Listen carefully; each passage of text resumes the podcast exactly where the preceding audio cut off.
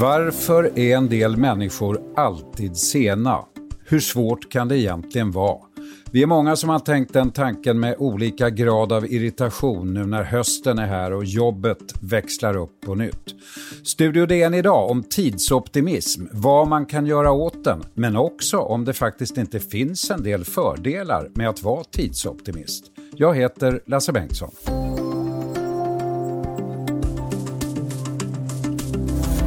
Ja, vi har ju alla hört förklaringarna. Först var det ju strömavbrott alltså, så min mobil som låg på laddning ringde inte.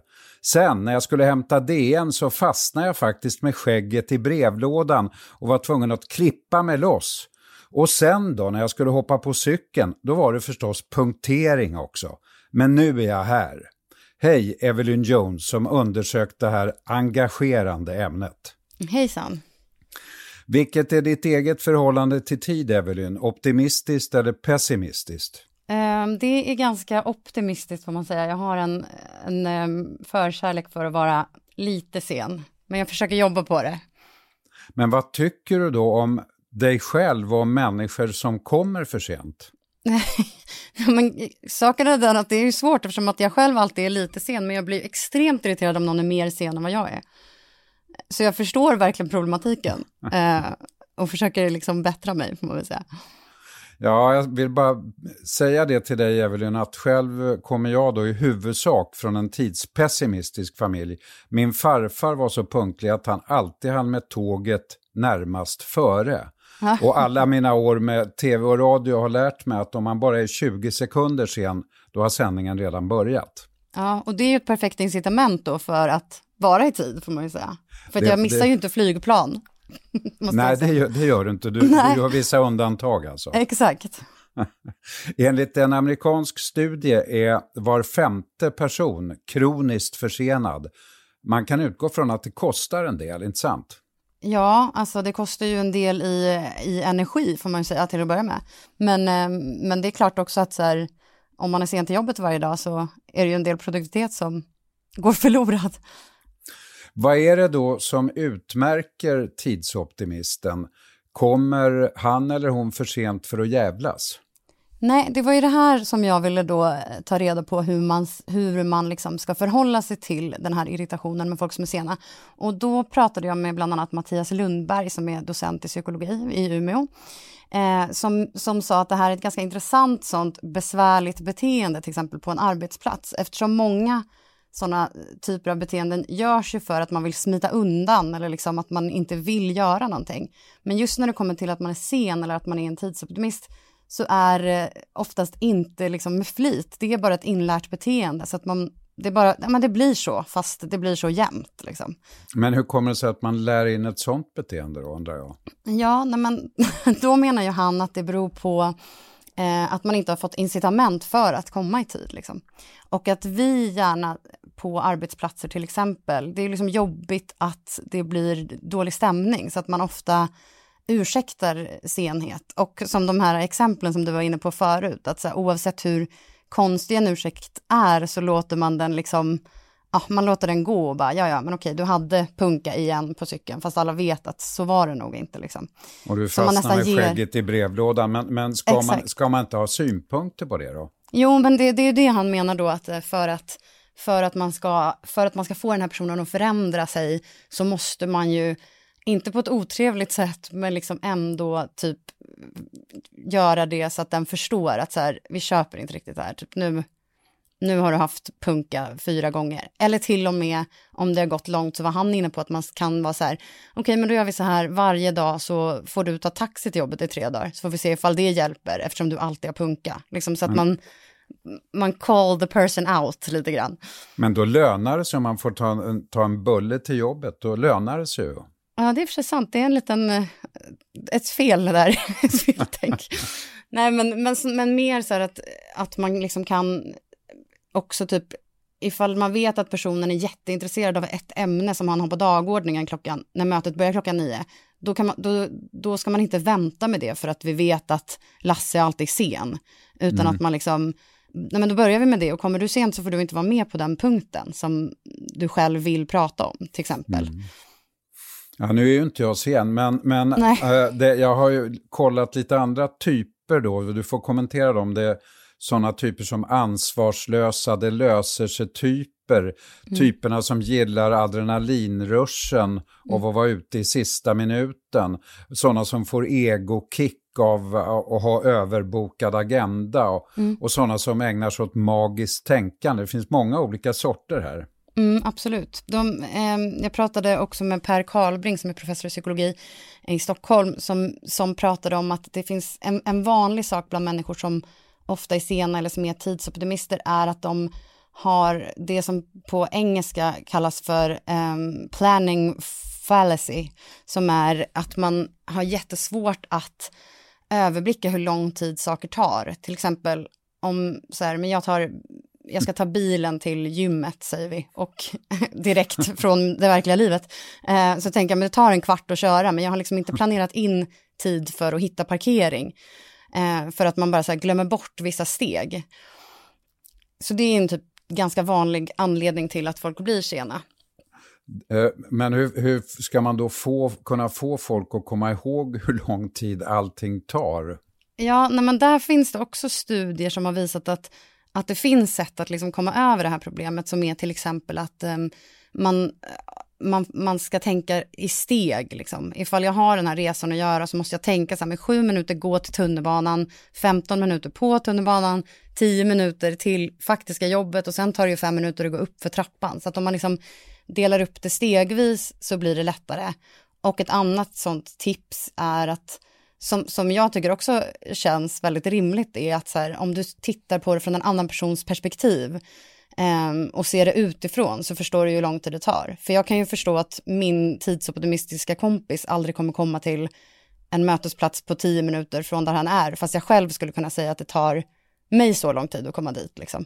Om du förstår vad jag menar. Ja, jag, jag, jag förstår absolut vad du mm. menar. Och jag har många fler exempel, men jag vågar inte riktigt ta dem här av risken för utpekning faktiskt.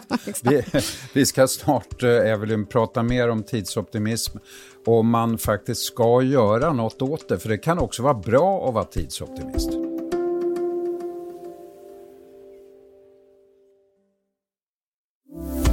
Ja, Evelyn Jones, en fråga jag undrar lite över i dessa tider. Vad betyder stress för tidsoptimism?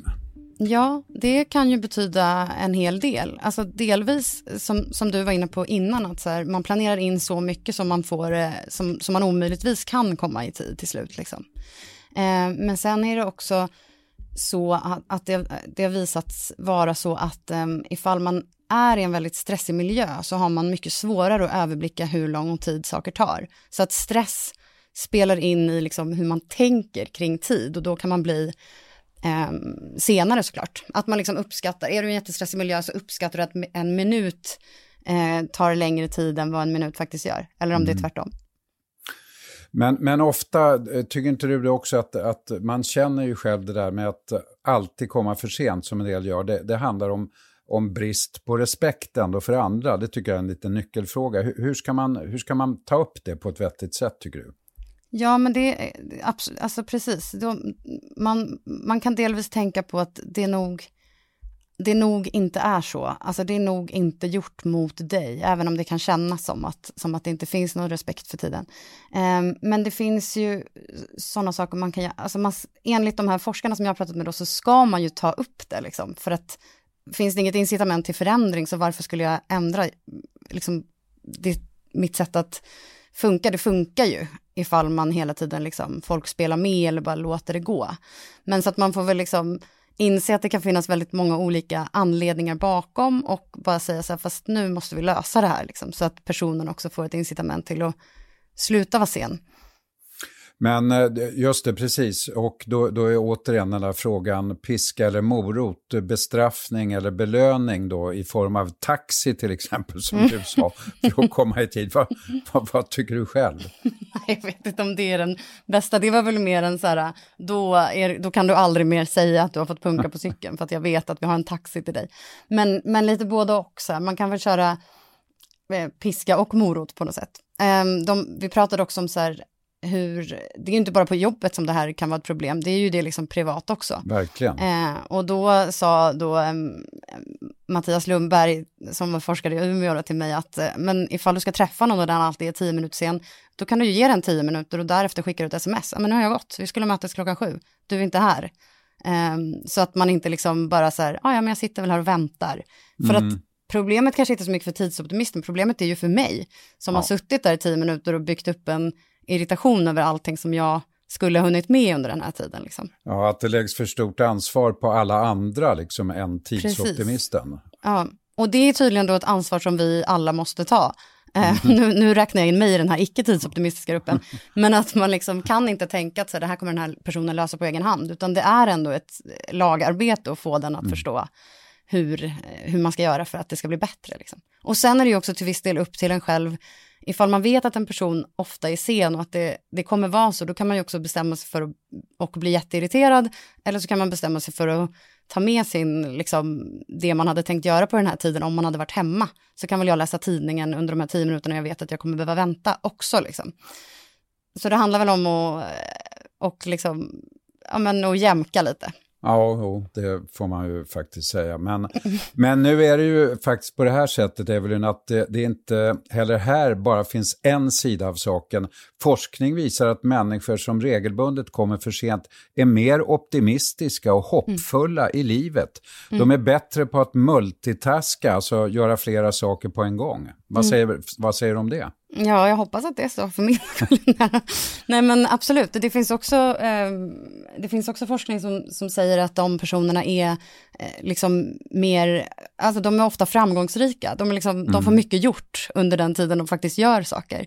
Så det är inte bara att så här, man är en slarver, utan Ja, Einstein, här... Einstein kom alltid för sent till möten. Har jag hört. Ja, men titta det. Så det kanske egentligen är någonting man ska sträva efter.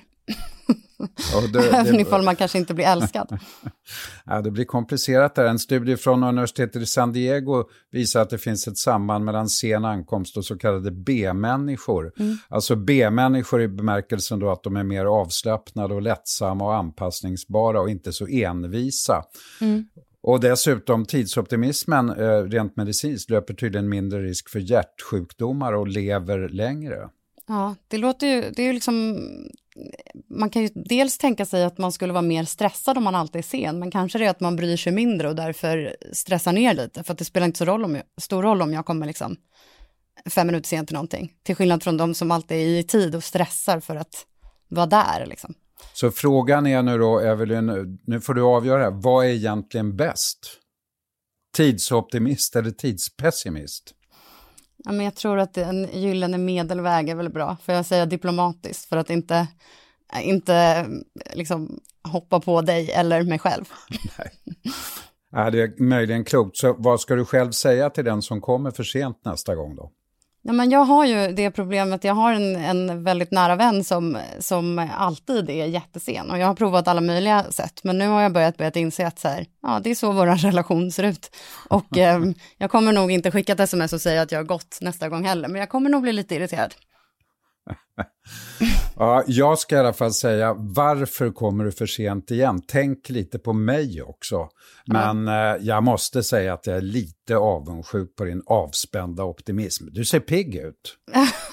det låter ju som att ni båda kan vara vänner också. Ja, det, det, det är lite viktigt det också trots allt, i allt det här. Ja, Tack så mycket, Evelyn Jones. Tack så jättemycket. Studio DN imorgon om USA och den alltmer laddade situationen inför presidentvalet.